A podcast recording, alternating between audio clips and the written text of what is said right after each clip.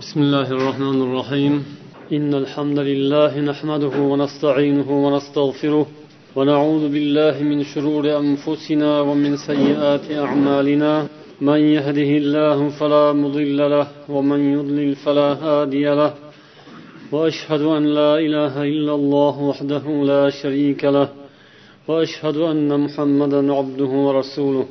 أما بعد. Aziz birodarlar hurmatli opalar singillar assalomu alaykum va rahmatullohi va barakatuh. Musulmon odam uchun eng oliyjanob odoblardan biri bo'lmish mehmondorchilik odobi haqida bugun ham inshaalloh ozgina davom etamiz. Bugun sizlar bilan mehmondorchilikning hukmi haqidagi qarashlar haqida so'zlar bilan boshlaymiz suhbatimizni. Bu mavzuda ya'ni mehmondorchilikning hukmi nima? Vojibmi? sunnat mustahabmi yoki boshqa mana shu borada ham ulamolar o'rtalarida turli xil ijtihodlar bo'lgan ekan bunga asos bo'ladigan hadislar avvalda ham eslaganimiz bugun ham shulardan bir nechtasini eslab o'tamiz sahih ibn majida kelgan hadis al miqdam abi karimadan rivoyat bo'lgan قال رسول الله صلى الله عليه وسلم ليلة الضيف واجبة فإن أصبح بفنائه فهو دين عليه فإن شاء اقتضى وإن شاء ترك mehmonning birinchi kechasi vojibdir ya'ni birinchi kecha mehmondorchilik vojib bo'ladi agar bir insonning uyiga mehmon kelsa uning zimmasida bu qarz bo'ladi agar o'sha mehmon xohlasa qarzini davo qilib talab qilishi mumkin xohlasa voz kechishi mumkin Yana bir hadis uni buxoriy al adabul mufrad kitoblarida rivoyat qilganlar laylatul doyfi haqqun vajibun ala kulli muslim. Mehmon kelgan kecha uni mehmon qilish har bir musulmon zimmasida vojibdir.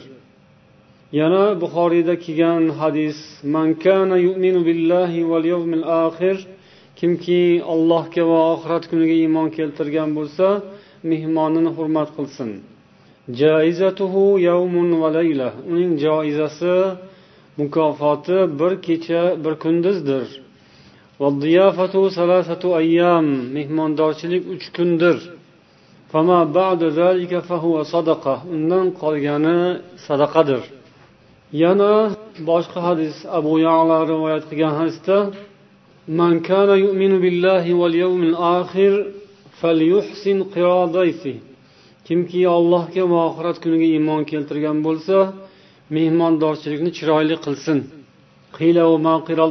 Mehmondorchilik qanday bo'ladi deb so'ralganda payg'ambar sollallohu alayhi vasallam salasatun dedilar. Ya'ni uch kecha kunduz undan qolgani esa sadaqadir. Mana shu hadislar asosida ulamolar ba'zilar vojib deyishgan ekan mehmondorchilik. Vojib deganlaridan ibn rajab ibn hazm ash shavkaniy va imom molik va bir rivoyatda imom ahmad imom shofiylar mehmondorchilik vojib deyishgan. Chunki bunga dalil bo'ladigan hadislar juda ham ko'p. Qator hadislarda kimki allohga va oxiratga iymon keltirgan bo'lsa mehmonni hurmat qilsin mehmondorchilikni chiroyli qilsin deganlar va yana rasululloh sollallohu alayhi vasallam mezbonning iznisiz ham mehmon o'zini haqqini olishi mumkinligini aytganlar. Agar mezbon o'zi bilib mehmon qilmasa haqqini olsin talab qilib olsin xohlasa tark qilsin. Mana shu hadislardan ko'rinadiki deydilar demak mehmon qilish vojib. Mehmonning haqqi mezbonda bor. Lekin ba'zilar esa vojib emas deyishgan ekan. Ko'pgina ulamolar mehmon qilish vojib emas balki sunnatdir. Ya'ni islomiy odob va musulmonlar zimmalaridagi sunnat. Rasululloh sollallohu alayhi vasallam yaxshi ko'rgan ish sunnat. Ya'ni bundan ko'rinadiki mehmon qilmasa gunohkor bo'lmaydi degan ma'no chiqadi sunnatdan. Sunnatni tark qilsa gunoh bo'lmaydi. Ba'zi ulamolar esa buning tafsiloti bor deyishgan ekan. Ya'ni kimgadir vojib bo'ladi kimgadir vojib bo'lmaydi qachondir vojib qachondir vojib emas va yana qayerdadir vojib qayerdadir vojib emas وروي عن مالك وأحمد أنها مخصوصة بغير أهل الحضر bu shahar ahlidan boshqalarga taalluqli bu hukm ya'ni mehmon qilish vojib degan so'z shahar ahliga taalluqli emas molik bu narsani aniq qat'iy qilib aytgan ekanlar boshqa joy ya'ni shahardan boshqa qishloq yoki sahro yoki shunday bir holatda yashayotgan odamlarga bu taalluqli ya'ni ularga vojib وقال سحنون الحضري لا تجب الضيافة عليه لوجود المطاعم والفنادق hazoriy ya'ni doim bir joyda yashayotgan shaharda yashayotgan odamga mehmon qilish vojib emas chunki shaharda oshxonalar bor va mehmonxonalar bor.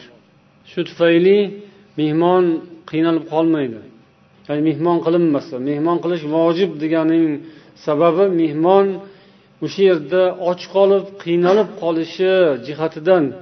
Agar mehmon bir musofir yurtiga kelib boshqa joydan kelgan bo'lsa u yo'l topolmay yoki ovqat topolmay deylik halol ovqat topolmasdan joy topolmasdan qiynalib qolsa ana o'shanda vojib bo'ladi uni mehmon qilish. Bu narsa esa shaharda ancha ehtimoldan yiroq. Shaharda hozirda ham deylik mehmonxonalar oshxonalar mavjud ekan. Bundan vojiblik soqit bo'ladi.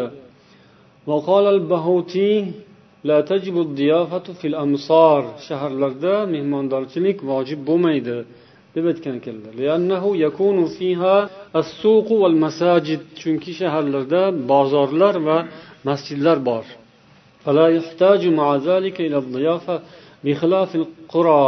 Qishloqlarda esa ahvol o'zgacha. Chunki u yerda olib sotish ishlari juda kam bo'ladi. U yerda holat boshqacha.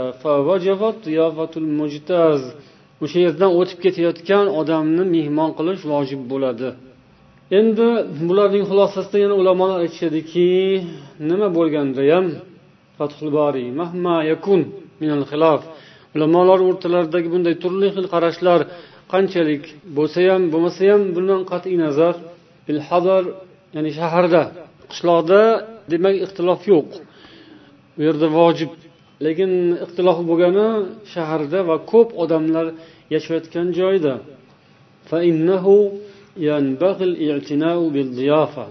musulmon odamlar mehmondorchilikka e'tibor berishlari lozim deydilar ibn hajar.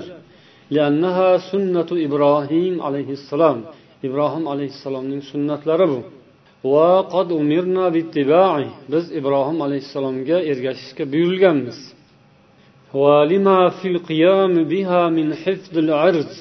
chunki mehmondorchilik odobini bu sunnatni qoyim qilishda bajo qilishda obro'lar saqlanadi. Odamlar o'rtasida do'stlik muhabbat ziyoda bo'ladi. Musofirlarga ehson yaxshilik bu deydilar ibn hajar rahimaulloh ya'ni shunaqa ixtiloflar bor ekan mana bor ekanku yo'l. Mehmon qilmasa ham bo'larkanku vojib emas ekanku. Deb kimlardir endi shu bilan qanoatlanib yoki shunga xursand bo'lib ketishi ham mumkin deb. O'zi asli boshqacha sabablar bo'lishi ham mumkin. Ya'ni bu insonning saxovatiga yoki baxilligiga bog'liq narsa. Endi ba'zilar o'ziga hujjat topishi mumkin bahona qilishi mumkin. Shularga javoban ibn hajar aytadilarki gaplar mayli ijtihodlar qanaqa bo'lsa bo'lsin lekin musulmonning obro'si bu. Obro' deganda obro' saqlanish deganda kimni obro'si bu? Kimni obro'si buni aytmaganlar. Mehmonni ham obro'si mezbonni ham obro'si musulmonni obro'si. Aytadiyu har inson o'zini joyida aziz o'zini yurtida aziz o'zini uyida aziz bo'lgan inson sizni yurtingizga kelib sal g'alati bo'lib sal qisinib qimtinib ketsa yaxshi emas. O'zining joyida aziz bo'lgan sizning uyingizga kelib aziz bo'lmasa sizning shahringizga kelib sizning yurtingizga kelib biroz ko'ngli cho'kib ketsa yaxshimi bu? O'sha insonning obro'siga yaxshi bo'lmagani kabi va buning taqozosi shuni natijasi siz bilan bizni ham obro'mizga yaxshi emas. Mezbon bo'lgan insonlarning ham obro'siga yaxshi emaski ularni yurtidan ko'chasidan bir musofir kelib o'tsada bular beparvo ishi bo'lmasdan o'zi bilan o'zi ovora o'zini tirikchiligini ketida yurgan bo'lsa yoki uyda dam olib yotgan bo'lsa yo uxlab yotgan bo'lsa yoki bemalol yurgan bo'lsa de vojib emas. Ha vojib emas farz emas. Degan gapni bahona qilib ketilaveradigan bo'lsa bu yaxshi emas. Musulmonlik ziyoda bo'ladi islom iymon ziyoda bo'ladi. Mo'min musulmonlar o'rtalarida mehr muhabbat do'stlik mustahkamlanadi. Islomning obro'si ko'tariladi va o'sha shaharga kelib ketganlar yaxshi taassurot bilan ketadi va unisi ham bunisi ham tarqaladi. Ya'ni odamiylik nuqtai nazaridan bu muhim juda ham. Mehmondorchilik necha kun degan masalada ham biroz to'xtaymiz. Imom buxoriy rivoyat qilgan yuqorida aytilgan hadisda uning joizasi bir kecha bir kunduz dedilar. Uning keyindan mehmondorchilik uch kundir deganlar. Undan keyin qolgani esa sadaqadir. Jaizatuhu degan kalimada ham bir necha xil ma'nolarni ko'radilar ulamolar. Jaiza mukofot degan tuhfa degan ma'noda bu mehmon uchun tuhfa mehmon uchun mukofot ya'ni mezbon tomonidan taqdim qilinadigan yaxshilik ehson. Buni bir kecha bir kunduz dedilar rasululloh sollallohu alayhi vasallam. Shundan kelib chiqib aytishadiki ibn battol bu iborani sharhlab yukrimuhu va yuthifuhu yawman va layla. Buni imom molikdan rivoyat qilgan ekanlar. Ya'ni bir kecha bir kunduz uni mehmon qiladi izzat ikrom qiladi. Abu ubayd aytadilar birinchi kuni qo'ldan kelganicha ko'proq harakat qiladi mehmonni kutishda yaxshi izzat ikrom unga ko'rsatib qo'ldan kelgan ko'proq iloji boricha takalluf ya'ni bu yerda takalluf o'zini harakatga soladi biroz mashaqqatga soladi takallufni asli salbiy ma'noda qo'llanadi ko'proq ya'ni behuda ovoragarchilikni takalluf deyiladi. Lekin bu yerda birinchi kunida mehmonga ko'proq harakat qilish kerak ko'proq ehtimom ko'rsatish kerak e'tibor ko'rsatish kerak deydilar abu ubayd.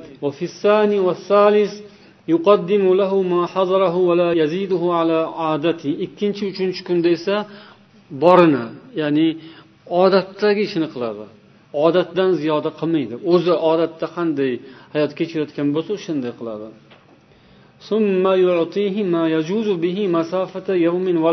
Undan keyin bir kecha va bir kunlik yo'lga ketadigan narsani beradi. Shu jaiza degani shu mukofotini berib kuzatib qo'yadi degan ma'noda ham kelar ekan.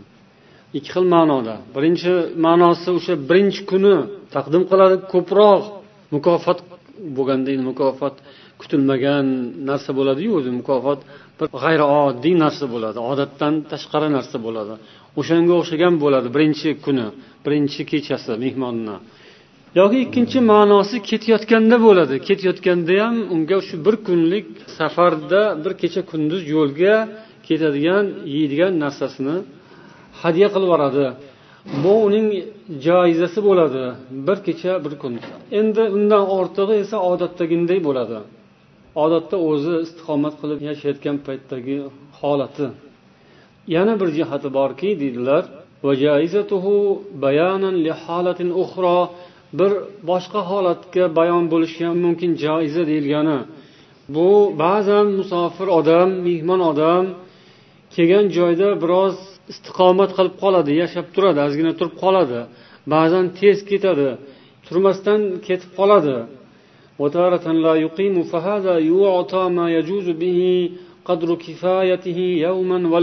shunda bir kecha kunduzga yetadigan taomini berish kerak agar u to'xtamasdan ketadigan ham bo'lsa ham mana shu o'sha joizasi degan ma'no bildiriladi واستدل بجعل ما زاد على الصلاة صدقة على أن الذي قبلها واجب واجب degan odamlar qolgani sadaqa degan so'zdan shu xulosani qilishgan. Demak uch kundan qolgani sadaqa bo'lsa undan oldingisi vojib ekan deb xulosa qilishgan ulamolar yana ibn hajar yozadilar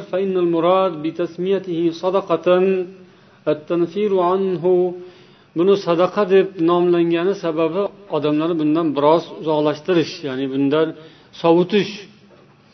Chunki al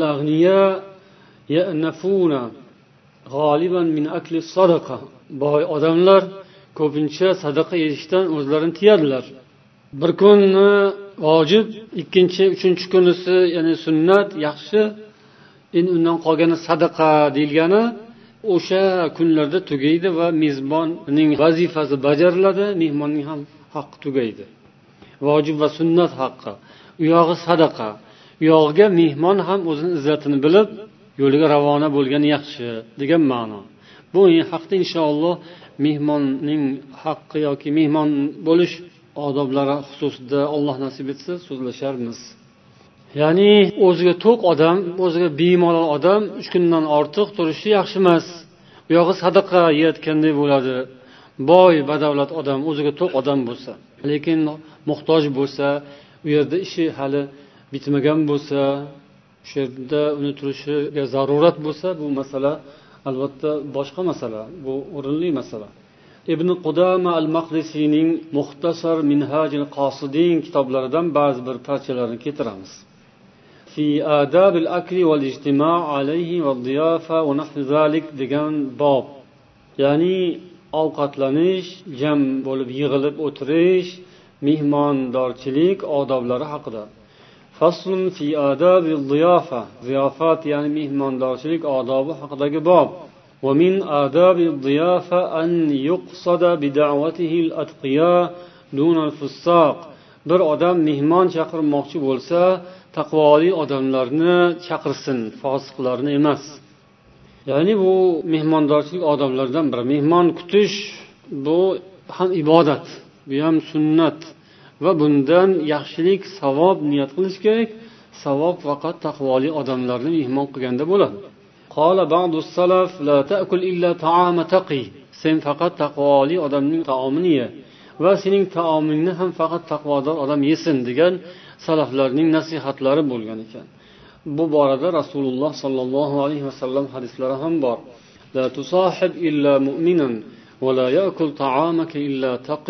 sen faqat mo'min bilan hamroh bo'l va taomingni faqat taqvoli odam yesin deganlar shuning uchun mehmon chaqirmoqchi bo'lgan odam iloji boricha taqvoli odamlarni chaqirsin. Fosiq fojirlarni emas. Lekin albatta istisno bo'ladi o'sha fosiqu fojirlarni ham qalbini oshno qilish yoki juda bo'lmasa haqiqatdan ularning yomonligidan saqlanish uchun ham mehmon qilish joiz. Ammo birinchi galda taqvoli e'tiqodli odamlarni mehmon qilish kerak. yana mehmondorchilik qilganda qarindoshlarini e'tibordan chetda qoldirmasin. Chunki ularni chetda qoldirish begonalik yotsirash va rahm ya'ni silai rahmni uzilishiga olib keladi. Mehmondorchilik bahonasida qarindosh urug'chilik munosabatlariga ham e'tibor qaratsin.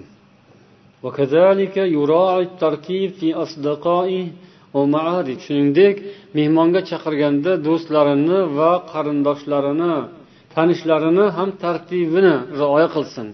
Ya'ni kimni muqaddam tutib kimni chaqiradi yo kimni keyinroq? Kimni bu safar kimni boshqa safar? Ya'ni o'ziga xos shunday bir tartib bo'lsin betartib bo'lmasin.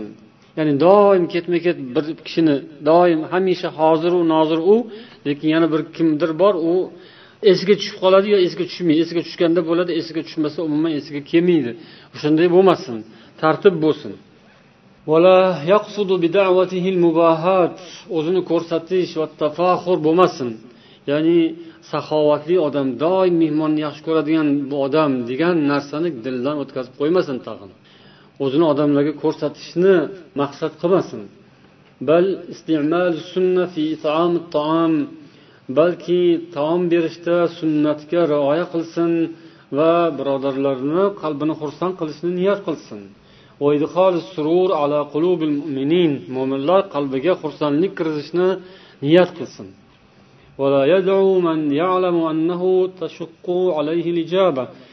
Kelolmaydigan odamni taklif qilmaydi. Yoki taklif qilsa u kelsa odamlardan unga bir aziyat bo'ladi. Shunga o'xshagan narsalarni ham rioyasini qilsin. Yana shu kitobda beshinchi fasl fi adabi ihdori taom taom keltirish odoblari haqidagi fasl. Bu aytilayotgan narsalarning ba'zisi o'tgan suhbatlarda o'tgan bo'lsa ham lekin biz mavzuni tartiblamadik. O'sha muallif ulamolarning kitoblaridan keltirilgan narsani o'zgartirmasdan keltiryapmizki bu ham yaxshi ya'ni qaysi olim nima degan shu borada? Agar hammasini qo'shib biz mavzuga bo'lib bo'lib keltirsak bu ham bir yo'l. Lekin mana bu ham bir uslubki bu masalada o'tgan safar ham ozgina gapirilgan u boshqa ulamoning so'zlari edi. Hozir endi bu yerda allama maqdisiyning so'zlari taom taqdim qilishda u kishi nima deb yozgan? Kitoblarini o'zgartirmasdan keltiryapmiz taom taqdim qilishda beshta odob bor deydilar ibn qudama.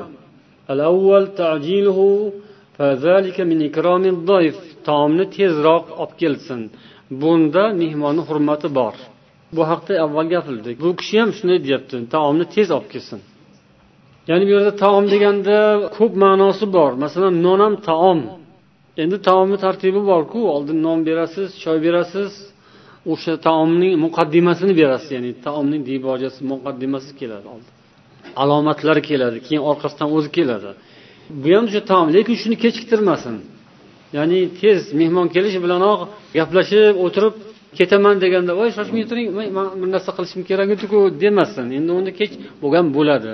Unda ketib qoladi. Mehmon kelishi bilanoq tez dasturxon yozilib taom taqdim qilinishi nazarda tutilyapti.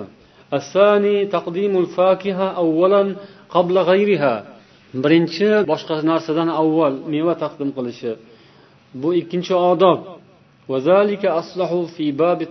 bu tibbiyot jihatdan munosibdir qarang bu qadimda yozilgan kitob qadimgi ulamolarni ham bilgani bilgan ko'ring bugungi kunda biz buni teskarisini qilamiz lekin tibbiyot xodimlari bizning qilayotgan ishimizni teskarisini gapirishadi.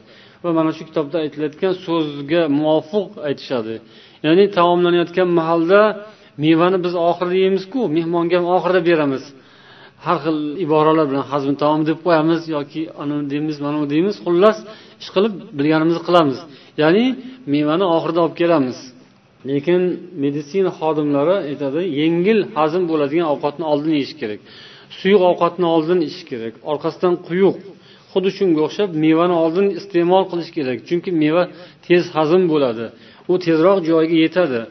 Agar sekin hazm bo'ladigan qiyin hazm bo'ladigan ovqatni oldin yeb olsa uni orqasidan suyuqni ichsa yoki meva yesa u tepada kutib qoladi.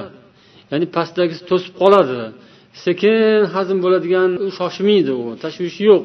Tez hazm bo'ladigan tez buziladi. O'sha joyiga yetmasdan buzilishga boshlaydi tez hazm bo'ladigan taom. Ichaklarda turib turib.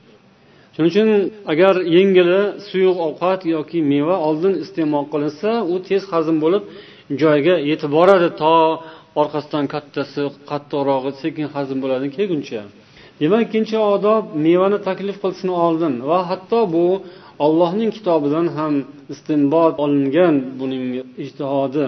Voqea surasida yigirma yigirma ikkinchi oyat ya'ni jannat ahllari holati haqida olloh xabar bergan. Ya'ni jannatda jannat ahllari iste'mol qiladigan ular o'zlari xohlagan tanlab tanlab iste'mol qiladigan mevalar bo'ladi jannatda. Fokiha. Keyin ko'ngillari tusagan qush go'shti bo'ladi. Alloh nasib etsin hammamizga. Allohimma min ahli olloh bu yerda ham demak oldin fokihani zikr qildi. Ya'ni mevani zikr qildi. Undan keyin esa go'shtni zikr qildi. Go'shtni zikr qilganda ham qanaqa go'sht? Qush go'shtini zikr qildi. Qush go'shti ham shunday bir latif taom yengil hazm bo'ladigan va foydaliroq hayvon go'shtiga qaraganda deyishadi tabiblar ham meditsina xodimlari ham. Demak bundan ko'rinadi meva taqdim qilgandan keyin undan so'ng afzali go'sht. Undan keyin esa farid ismli taom. Halva undan keyin esa halva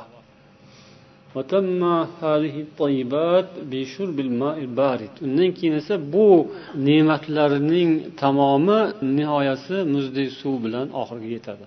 issiq choy qaynoq choy pamil choy ko'k choy deb qo'yamiz biz endi bizning ta'rifimiz bu issiq choy qaynoq choy sovimasin oling oling lekin oxirida muzdek suv bilan bu nuqtasiga yetadi ekan الثالث أن يقدم جميع الألوان الحاضرة mavjud bo'lgan taomlarning hamma navini hamma ko'rinishini taqdim qiladi ya'ni borichada kim qanday odamligiga qarab kambag'al faqirona mehmondorchilik bo'ladi. Boy bo'lsa boyona bo'ladi. Kelgan odamga qarab emas boy kelsa boyona faqir kelsa faqirona emas. Siz kimsiz o'zingiz? Siz faqirmisiz yo g'aniymisiz boy bo'lsangiz boyona qiling mehmondorchilikni. Faqir bo'lsangiz faqirona qiling. Kelgan odamga qarab emas boy bo'lsa ko'proq unga mulozamat ko'rsatib faqir bo'lsa o'ziga yarasha bo'laveradi bu uyda shuni ham yemaydi demasdan astag'firulloh. Siznikida u o'zining uyida emas. Borini taqdim qilish kerak mehmonga. Ya'ni bu ham o'zini ko'rsatish bo'lishi kerak emas. O'zingiz har kuni iste'mol qiladigandan kam bo'lmaslik kerak. Boylar masalan o'ziga to'q odamlar har kuni qanaqa taom iste'mol qilsa kelgan kambag'alga o'shandan kam berish kerak emas. undan ko'paytirishi mumkin ya'ni izzat ikrom hurmat nuqtai nazaridan ko'proq chiroyliroq taqdim qilish kerak lekin o'zinikidan kam bo'lishi kerak emas أن لا يبادر رفعها بل يمكنهم من الاستيفاء حتى يرفعوا أيديهم to'rtinchisi taomlarni tez yig'ishtirishga shoshilmasin dasturxonni tez yig'ishtirib olmasin balkim shunday bemalol qo'yib bersin O'sha yerda bemalol odamlar qo'llarini artmagunlaricha qo'llarini tortmagunlaricha inson shoshiltirmasin. Shoshiltirmaslikni har xil yo'llari bor. Aytishadi ya'ni mezbon o'zi olib turish kerak. Birga qorni to'yib qolgan bo'lsa ham bo'ldi mani qornim to'ydi deb mehmondan oldin qornini artib olsa u mehmon ham keyin uyalib u ham qo'lini artishga majbur bo'ladi. Ular bemalol olishlari uchun sharoit yaratib bersin. Sharoiti shu ya'ni o'zi ham olib turadi va oling oling deb turadi. Shoshiltirmaydi. Soatiga qarab shunaqa bir nozik holatlar bo'ladiki bu ham shoshiltirishga kiradi. Ba'zilar birlar shoshayotgan bunday soatiga qarab qo'ysa bo'ldi bu farosatli odam tushunadi. Ha ketadigan vaqtimiz bo'pti ekan deb o'ylaydi. Hatto devorda turgan soatga ham qarashga odam ehtiyot bo'lishi kerak. Ko'zingizga ehtiyot bo'lishingiz kerak. Bunday devorga qarab qo'ydingizmi? Bo'ldi. Bu ham vaqt tugadi degani bo'lib qolishi mumkin. Shoshiltirish kerak emas. Al xomis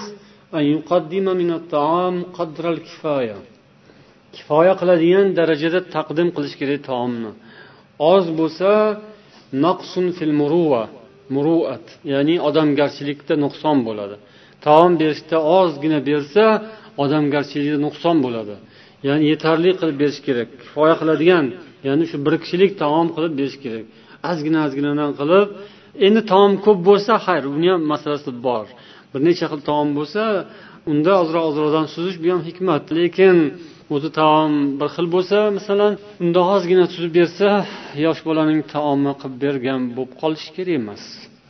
Odamgarchilikka demak xilof bo'ladi nuqson bo'ladi.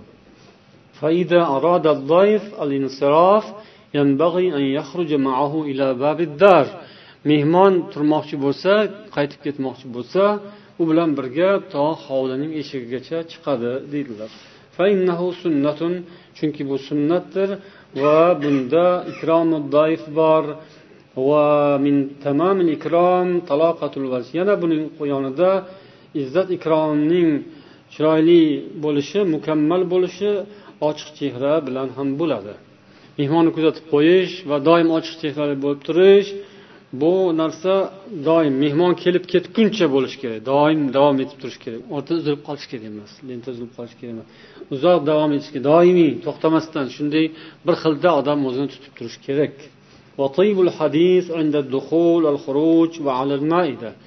Yaxshi gap doim shirin so'z. Ya'ni kirganingizda ham chiqqaningizda ham va dasturxon ustida ham doimo yaxshi gaplardan chiroyli gaplardan gapirib turish. O'zi umuman taom vaqtida ham shunday. Taom vaqtida ham odamni ko'ngliga yoqmaydigan odamni tabiatini xira qilib qo'yadigan gapni gapirishdan tiyilish kerak. Ya'ni u bor gap haq gap to'g'ri gap. O'sha narsa dunyoda bor baribir. Siz gapirmasangiz ham bor yashayapti o'sha narsa. Endi borku deb shuni gapirsa taom ustida yarashmaydi. Yana buni ustiga mehmonni oldida yana ham bo'lmaydi. Demak taom ustida dasturxon ustida kirayotganda chiqayotganda doim yaxshi so'z bilan bo'lish kerak. Endi yana mana shunga o'xshagan risolalardan biri adobu diyofa muallif fuad shalhub ismli muallifning kitoblaridan ba'zi bir faqralarni keltiramiz. Ya'ni o'tgan mavzular takrorlanishi mumkin. Oldindan sizlarni ogohlantirib qo'ying. Nimaga buni yana qaytadan takrorlanyapti demaysizlar har ulamoda ajoyib alohida o'ziga xos fikrlar bo'ladi ijtihodlar bo'ladi. Bu foyda bo'ladi bizga. Har gulning hidi boshqa deydilar. Istihbabu tarhib bil bu kishi shu kitobning uchinchi bandi yoki mehmondorchilik odobining uchinchi bandi desak bo'ladi. Istihbabu tarhib bil mehmonni qutlash bu ham sunnat odob ekanligini aytadilar bu kishi an ibn abbas roziyallohu anhu qol لما قدم وفد عبد القيس على النبي صلى الله عليه وسلم قال payg'ambar sollallohu alayhi vasallamga abdul qays qabilasining vakillari elchilar kelganda aytganlar marhaban bil qavm av bil vafd g'ayra khazaya vala nadama xush kelibsizlar ya'ni kelgan mehmonlar Bizning tilimizda mehmonlar deymiz. Yoki elchilar deyish mumkin. Elchilar xush kelibsizlar xorlik va nadomatdan xoli yoki undan omon bo'lgan holatda. Ya'ni sizlar kelgan joy inson aziz bo'ladigan va inson xursand bo'ladigan joy. Xursandlik makoniga azizlik makoniga xush kelibsizlar degan ma'noda rasululloh sollallohu alayhi vasallam qutlagan edilar. Mehmonlarni ravohul buxoriy va muslim. Bunda inson o'zining mehmoniga bo'lgan eng birinchi izzatu ikromini taqdim qiladi. Birinchi mehmonning haqqi shu. Ya'ni yaxshi so'z bilan qutlash. Xush kelibsiz xush kelibsiz. Agar qisqa bo'lsa shu xush kelibsiz eng kamida xush kelibsiz. U yog'i sizning himmatingiz endi. Bisotingizdagini chiqarib qalbingizdagini ko'rsating. Ichingizdagi chiroyli niyatlaringizni u mehmonga bo'lgan muhabbatingizni hurmatingizni zohir qiladigan payt imkoniyat bo'ladi. Shunda siz o'zingizdan chiroyli chiroyli so'zlarni chiqarib aytasiz xush kelibsiz qadamlaringizga hasanot sog'intirib yubordingizku keladigan kuningiz ham bor ekanku ko'radigan kun ham bor ekanku hokazo u yog'i endi sizning talantingiz sizning qobiliyatingiz ijodingizga bog'liq والذي لا شك فيه أن استقبال الرجل لضيوفه بعبارة الترحيب تدخل السرور والأنس عليهم insonning qalbiga bu xursandlik va inoqlik kirgizadigan so'zlar bo'ladi shu tarhib ya'ni mehmonni qutlash yana bu kishi keltirgan o'zlarining risolalarida taqdimul akbar fal akbar mehmondorchilikda rioya qilinadigan odoblardan biri kattani alohida hurmat qilish mehmonlar katta kichik bo'lishi mumkin yoshlari Ularni kattasini katta bilib yoshlarini ham o'ziga yarasha hurmatini joyiga qo'yish kerak bo'ladi. Biror narsa taqdim qilayotgan mahalda kattalarga alohida e'tibor berilardi. Rasululloh sollallohu alayhi vasallam aytadilar buxoriy va muslim rivoyat qilgan hadisda aroni fil manam tushimda misvok qilayotgan ekanman. Shunda ikkita odam meni tortishdi.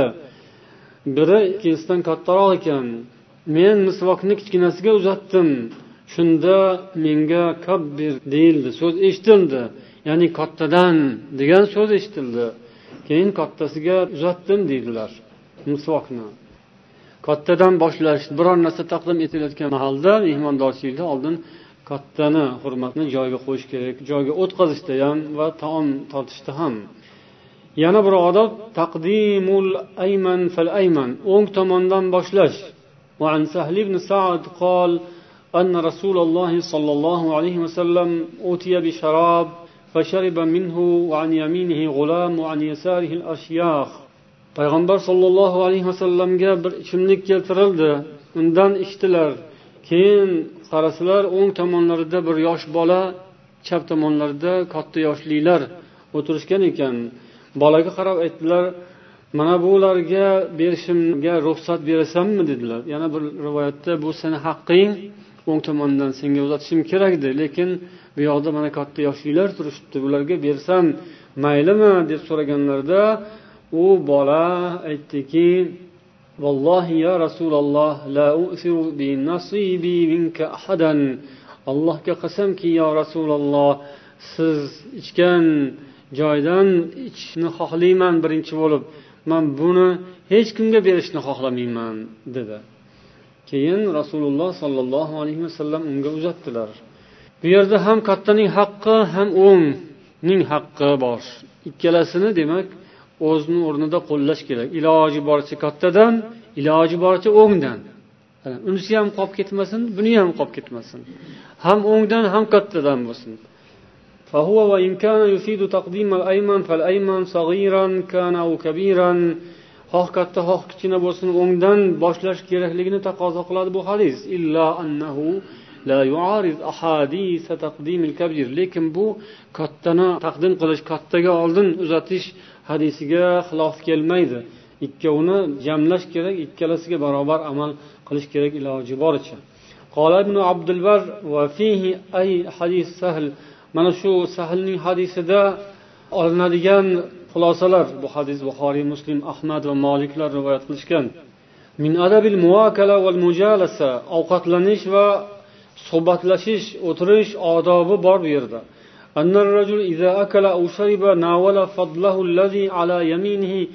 Odam bir narsani ichsa yoki yesa o'shandan qolganini ortganini o'ng tomoniga uzatish kerak bo'ladi. Shu odob chiqadi. Agar chap tomonda o'tirgan odam ulug'roq bo'lsa ham o'zi birinchi ichganidan qolganini uzatganda o'ng tomonga uzatadi. Lekin avvalo kattadan uzatilishi bu esa ibtidoan birinchi bo'lib uzatilayotgan bo'lsa kattadan degan ma'no chiqadi deydilar. Ya'ni bir ho'plab uzatmoqchi bo'lsa o'ngga uzatsin.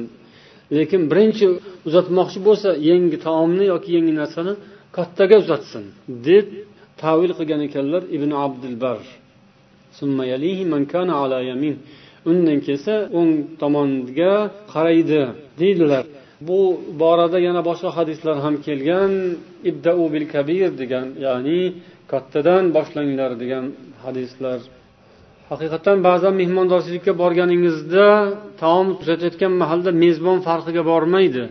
Duch kelgan tomondan uzataveradi chap tomondan ham uzataveradi chap qo'li bilan ham uzataveradi ba'zi odam. Ya'ni eshitishmagan o'rganishmagan o'rgatilmagan bo'lsa shunday bo'ladi. Lekin musulmon oilasida tarbiya topgan bolalar insonlar sunnatdan boxabar bo'lgan insonlar albatta o'ng tomonni rioyasini qilishadi va kattani rioyasini qilishadi.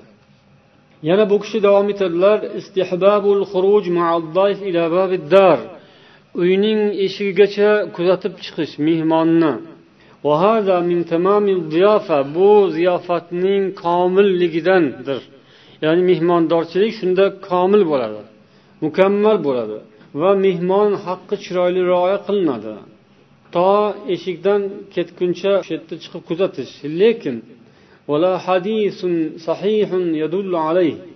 bunga dalolat qiladigan biror bir sahih hadis yo'q. Mehmonni ostonagacha eshikkacha kuzatib chiqish. Endi bizning yashayotgan joylarimizdaku endi uy bunaqa bu yerda aytiladigan hovlini aytilyapti hozir endi. Har holda bu hozirgi kvartiralarda o'tirgan joyda kuzatmaydiku hech kim eshikni tagigacha olib chiqadiku. Lekin kattaroq hovli bo'lsa o'sha hovlini eshigigacha ko'chagacha kuzatib qo'yadigan joy nazarda tutilyapti. Bizda ham ko'cha deganda teparoq qavatda tursangiz yo birinchi qavatda turgan bo'lsangiz ham uyingizni eshigi bilan yo'lakni eshigi bor podyezd deymizku yo'lakni eshigi bor. O'sha yergacha chiqib kuzatish. Bu narsa mehmondorchilikning kamoloti mukammalligidan dalolat beradi. Lekin bunga dalolat qiladigan biror hadis sahih hadis yo'q. Hiya innama hiya asaru salafi hadhihi umma va aimmatihim. Lekin bu bu ummatning salaflari va imomlaridan qolgan yaxshi asardir. Ya'ni bizning yaxshilarimiz ajdodlarimiz salaflarimiz ulamolarimiz qilgan odat bu. Ya'ni bu bidat emas odob.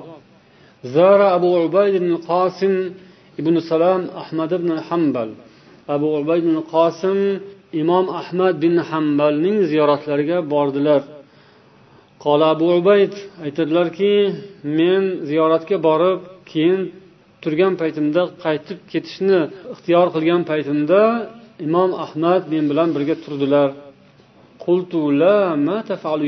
abdulloh ey abu abdulloh ya'ni imom ahmadga aytyaptilar ey abu abdulloh nima qilyapsiz bunday qilmang ya'ni turmang dedilar shunda imom ahmad aytdilar qola shabiy shabiy aytgan edilarki من تمام زيارة الزائر أن تمشي معه إلى باب الدار وتأخذ بركابه shabiy aytganlar ya'ni tobiin ulamolardan zoir ziyorat qilib kelgan odamni hurmat qilishdan bo'ladi.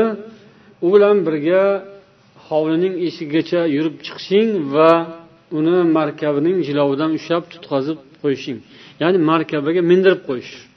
Moshinaga o'tkazib eshikni yopib qo'yish degan tarjima. Hozirgi kunda shunaqa. Agar endi otda kelgan bo'lsa mayli otiga mindirib jilovini ushlab xayrlashib qo'yish. Lekin boshqacha markab bo'lsa unda o'sha markabagacha olib borish bu mehmonni hurmati. Imom ahmad bin hambal imomi sunnah deb ulamolar ulug'lashadi bu zotni. Ana o'shalardan bo'lgan rivoyat. Mehmonni kuzatib eshikgacha yoki ko'chagacha chiqish va ularni ketgunlaricha qarab turish yoki markablarga mindirib qo'yish bu izzat ikromning chiroyli bo'lishi. Bu masala har xil bo'lishi mumkin. Odamga qarab ham masalan deylik. Ya'ni mehmon qo'shningizdan mehmon va qo'shni shahardan kelgan ham mehmon qo'shni davlatdan kelgan ham mehmon. Albatta qaraladi ya'ni uzoqdan kelgan mehmon bo'lsa uning izzati ikromi ham ko'proq bo'lishi kerak. Uni kuzatguncha balki u shaharni darvozasigacha borish kerak bo'ladi. Hovlini darvozasiga emas balki mamlakat darvozasiga borib poytaxtga olib borib qo'yasiz balkim stokgolmga olib borib kuzatib kelasiz. Samolyotga o'tkazib yuborasiz bu ham mana shu so'zdan kelib chiqadi. Ya'ni mehmonning hurmati o'sha mehmonni holatiga qarab bo'ladi. Mehmonning holati shu nodir holat bo'lsa u doim kelaveradigan mehmon emas har oyda keladigan mehmon emas har haftada yoki har kun ko'riladigan mehmon emas. Qo'shningiz esa jon qo'shningiz yon qo'shningiz har kun ko'rishasiz alhamdulillah. Alhamdulillah. Chiqadi uyingizga kirib ostonangizdan kuzatib qo'ysangiz kifoya qiladi. Yoki mehmondorchilikni ham turiga qaraydi. Har xil mehmondorchiliklar bo'ladi. Ba'zan shunaqa mehmondorchilik bo'ladiki u alohida e'tibor berasiz ko'cha eshikkacha kuzatib qo'yadigan holat bo'ladi. Ba'zi insonlar esa bu narsaga ahamiyat bermaydi. Ba'zi farzandlar bolalar ham shunday ahamiyat bermaydi. Yoshlar ayniqsa ahamiyat berishmaydi. Ba'zi yoshlar demak mehmonni o'sha uyda kuzatib uyda o'tiraveradi. Mehmon o'zi kelar o'zi ketar. Bo'lib qolishi yaxshi emas. Bolalar yoshlar yaxshi e'tibor berishga o'rgatilishi kerak. Ya'ni mehmon kelganda uni yaxshi kutib olish va uni kuzatib qo'yish. Ba'zan otasi boru onasi kuzatib oladi onasi kuzatib qo'yadi. Yoki otasining mehmoni go'yoki otasi kuzatib otasi kutib olib shunday qiladi deb ham kimdir beparvo bo'ladi. Lekin bu ham yaxshi emas. O'sha o'g'il bolalar bo'ladigan bo'lsa erkak mehmon kelganda endi bolalar ham juda kichkina bolalar emas. Sal o'smir bo'lib qolgan bolalar albatta otasi bilan birga bo'lishi ya'ni mehmonni kutib olishda va mehmonni kuzatishda. Lekin ichkarida gaplashib o'tirishda emas. Gaplashib o'tirishda otasi demak u mehmon bilan gaplashib o'tiradi o'g'li xizmat qiladi. Yoki onasi gaplashib o'tiradi qizi xizmat qiladi. Kuzatayotgan mahalda albatta onasini yonida yoki otasini yonida turib mehmonni oyoq kiyimini to'g'irlab yoki kiyimini olib berib bunday kiygazib shunday qilib mehmonni kuzatishni o'rganishlari o'rgatishlari yaxshi fazilat. Suhbatimizning oxirida yana bir mavzu hukmul qiyam lil qodim. Buni ham ilova qilsak bo'ladi. Ya'ni kelgan odamga o'rindan turish masalasi. Bu borada ham ulamolar o'rtalarida qadimda ham ixtilof bo'lgan va hozirgi zamonda ham mavjud. Ba'zi tushunmovchiliklar ham bo'ladi lekin ba'zan bir masalani bir necha xil tomondan gapirilayotgan bo'ladi. Bitta gapni bir necha xil gapirilayotgan bo'ladi. Ya'ni kelgan odamga o'tirganlar o'rnidan turishi qanday bo'ladi? Bu haqda rasululloh sollallohu alayhi vasallamdan hadislar vorid bo'lgan. Ya'ni u kishi kelganlarida odamlar o'rnilaridan turishlarini yoqtirmasdilar. Ajamlar turganidek turmangiz deb qaytarardilar. Bu boradagi mana bu hozir o'qiyotgan bu fatvo shayx bin boz rahimaullohga berilgan savolning javobi. Kelgan odamga o'rnidan turish lozim emas vojib emas ya'ni.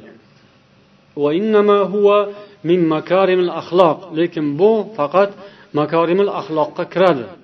Ya'ni yaxshi xulqlardan sanaladi من قام إليه ليصافحه ويأخذ بيده ولا سيما صاحب البيت والأعيان inson kelganda turib so'rashish uchun qo'lidan olish uchun tursa makarimul axloq bo'ladi ayniqsa sohibul bayt uyning egasi bo'lsa aniq bir shaxslarga nisbatan bo'ladi bu yana ta'kidlab aytyaptilar haqiqatan ba'zan odamlar noto'g'ri tushunib noto'g'ri amal qilishadi. Ya'ni o'rnidan turish harom yoki bidat degan narsani suiiste'mol qilishadi ba'zilar. Ayniqsa uyga mehmon kelganda nima qiladi? Uyga mehmon kelsa ham ha keling deb qo'lini uzatib o'tirsa xunuk bo'ladi. Ya'ni mehmonlar o'zi kirib chiqayotgan bo'lsa mabodo to'y bo'lsa deylik. To'yda eshik ochiq bo'ladiku endi o'zi kiraveradiku mehmon deb o'tirib olgan bo'lsa bir joyga mezbon. kelganlarga turmasdan qo'lini uzatib so'rashsa bu rosa ham beodoblik bo'ladi makarimul axloqqa xilof bo'ladi uyni egasi turishi kerak kutib olish kerak uy egasi bo'lmagan holatda boshqa joyda bo'lsa demak so'rashish uchun deyaptilar وقد قام النبي صلى الله عليه وسلم لفاطمة payg'ambar sollallohu alayhi vasallam fotima roziyallohu anhoga turganlar kelganlarida va xuddi shunga o'xshab fotima roziyallohu anhu onamiz ham payg'ambar sollallohu alayhi vasallamga turganlar kelganlarida payg'ambar sollallohu alayhi vasallam buyurganlarida ya'ni sad ibn muoz roziyallohu anhu kelganlarida tahkim bir masalani hukm qilish uchun shunda turinglar saidingizga deb buyurganlar odamlarni turib kutib olishga buyurganlar. Talhat ibn ubaydulloh roziyallohu anhu ham payg'ambar sollallohu alayhi vasallam oldilarida huzurlarida o'tirgan paytlarida kab ibn molik kelgan paytlarida shoshilib turib borib kutib olganlar. Ya'ni kab ibn molikning tavbalari olloh huzurida qabul bo'lib u kishi oqlangan paytda buni xursandchiligi uchun talhat ibn ubaydulloh turib borib tabriklaganlar va keyin o'tirganlar. Shunda rasululloh sollallohu alayhi vasallam qaytarmadilar. Ey nega turyapsan? O'tir o'zi keladi. Bu mehmon emasku demadilar. Nima turasan san ajamlarga o'xshab demadilar. Balki o'sha inson uchun alohida bir holat ya'ni uni tabriklash uchun uni kutib olish uchun unga bir ikrom izzat hurmatini izhor qilish uchun turadi. Bu borada yo'l keng deydilar shayx bin bos munkar bo'lgani shuki ta'zim bajo qilib tik turish ya'ni turmasa bo'lmaydi ta'zim uchun أما كونه يقوم ليقابل الضيف لإكرامه أو مصافحته أما mehmonni hurmat qilish uchun so'rashish uchun yoki yoki boshqa uni yetaklab o'tkazish uchun joiz deydilar lekin so'rashmaydi kutib olmaydiku lekin tik turadi shunday Birov kirib kelsa bu yoqda turgan odam o'rnidan tik turib olsa demak bu joiz emas. Bundan ham ko'ra qattiqrog'i u o'tiradida boshqalar turib turishadi. Ya'ni ba'zi podsholarda shunaqa qonun bor u o'tiradi bu yoqdagilar tik turishi kerak. Ta'zim shu hurmat ta'zim uchun. Yoki ko'pchilik o'tirgan bo'lsa bir kishi kirib kelsa hamma o'rnidan tik turish. Hamma barobar kutib olmaydi kelgan odamni. Kimdir kutib olishi kerak bo'lsa o'sha odam o'rnidan turadi yoki so'rashish kerak bo'lsa kimdir turib borib so'rashadi. Lekin undan boshqasiga hojat emas balki joiz emas. Ulamolar aytishlaricha o'rnidan turish uch qismga bo'linadi deydilar. Birinchisi u o'tirgan odamni turib ta'zim bajo qilish. ajam ya'ni g'ayri arablar podshohlarini shunday qilib hurmat qilishadi ta'zim bajo qilishadi turib bu mumkin emas القسم الثاني أن يقوم لغيره واقفا لدخوله أو خروجه من دون مقابلة أو ولا مصافحة bir so'rashish uchun emas yo kutib olish uchun emas hech narsa uchun emas shunchaki ta'zim uchun bo'ladigan bo'lsa bu makruh bo'ladi Kelgan odamni kutib olish uchun so'rashish uchun uni bir joyga o'tkazish uchun turib borish. Mana shunga o'xshash bir sabab bilan bo'lsa buni zarari yo'q. Bal sunnati kama taqaddam. Bu o'tgan so'zlarga qaraganda bu sunnatdir deydilar alloh taolo barchamizga tavfiq va yaxshilik muyassar etishini so'raymiz. Islom odoblari yaxshi odoblar buni to'g'ri anglab tushunib amal qilishimizni alloh o'zi muyassar aylasin. سبحانك اللهم وبحمدك أشهد أن لا إله إلا أنت أستغفرك وأتوب إليك اللهم اهدنا لأحسن الأخلاق ولا يهدي لأحسنها إلا أنت واصرف عنا سيئها ولا يصرف عنا سيئها إلا أنت السلام عليكم ورحمة الله وبركاته